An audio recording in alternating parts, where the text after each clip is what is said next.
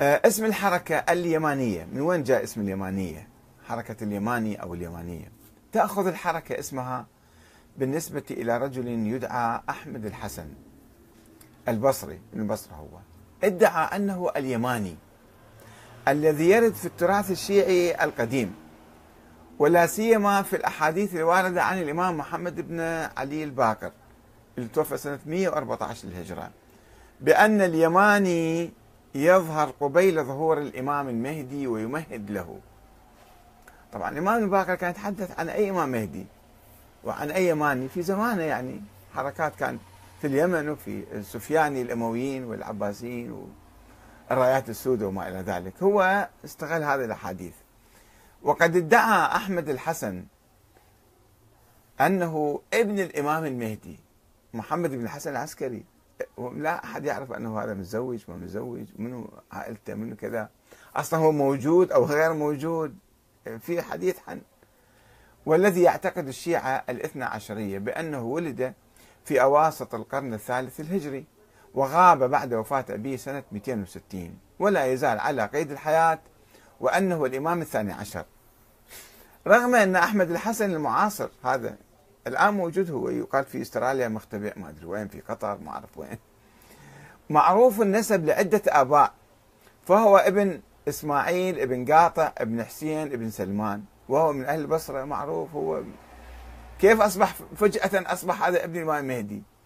يعني عندنا الآن بعض القبائل تدعي النسب العلوي إلى موسى بن جعفر إلى الحسن إلى كذا. أنه أصلا يعود إلى هذا. لا فجأة قبيلته أيضا معروفة لا يدعون السيادية ولا الانتماء للعلويين فجأة قال أنا ابن الإمام المهدي. وإذا سأل أحد كيف استطاع أحمد الحسن أن يثبت أنه متصل بالمهدي عن طريق النسب وما هو الدليل على ذلك؟ فإن جواب اليماني يأتي ليقول يثبته من خلال إثبات كونه وصيا وحجة. أول شيء يثبت أنه وصي وحجة فبعد لا تسألون عن النسب مسألة عادية تصير. فلا يجوز تكذيبه بعد ثبوت كونه وصيا عن دور. يثبت أنه وصي وإذا ثبت وصي يثبت أنه ابن الإمام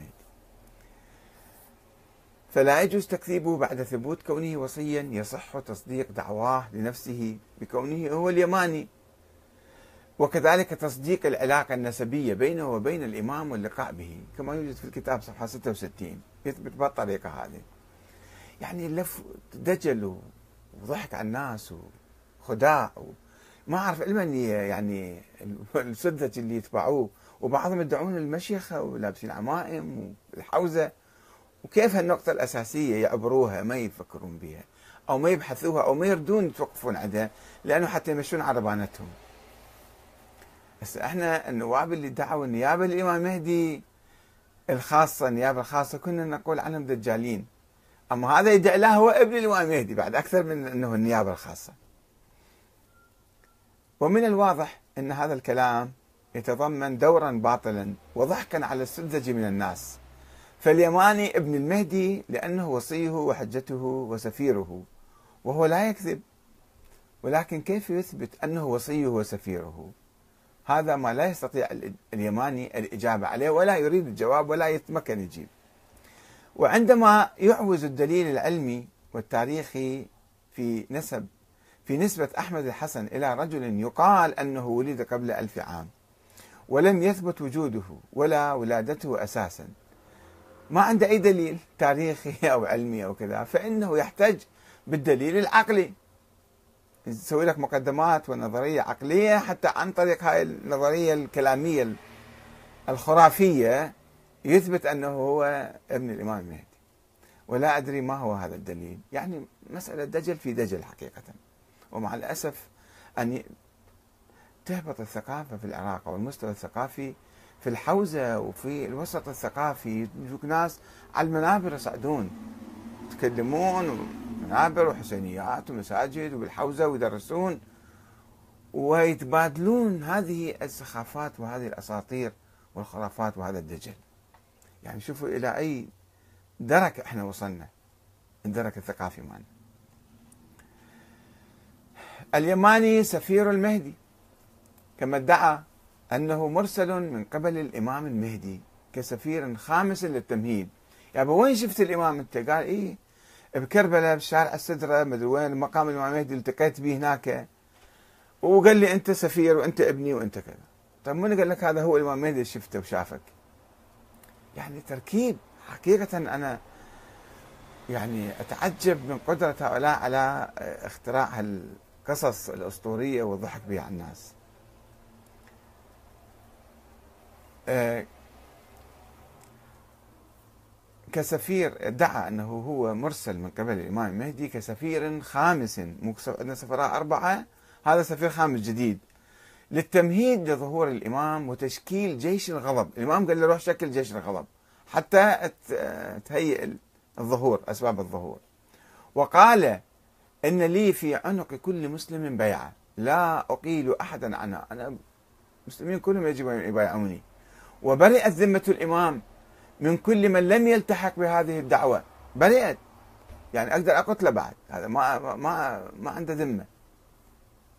شوف شلون موقف يعني إرهابي حقيقة. إرهابي وديكتاتوري أنه أنا مفروض عليكم الطاعة من الله تعالى.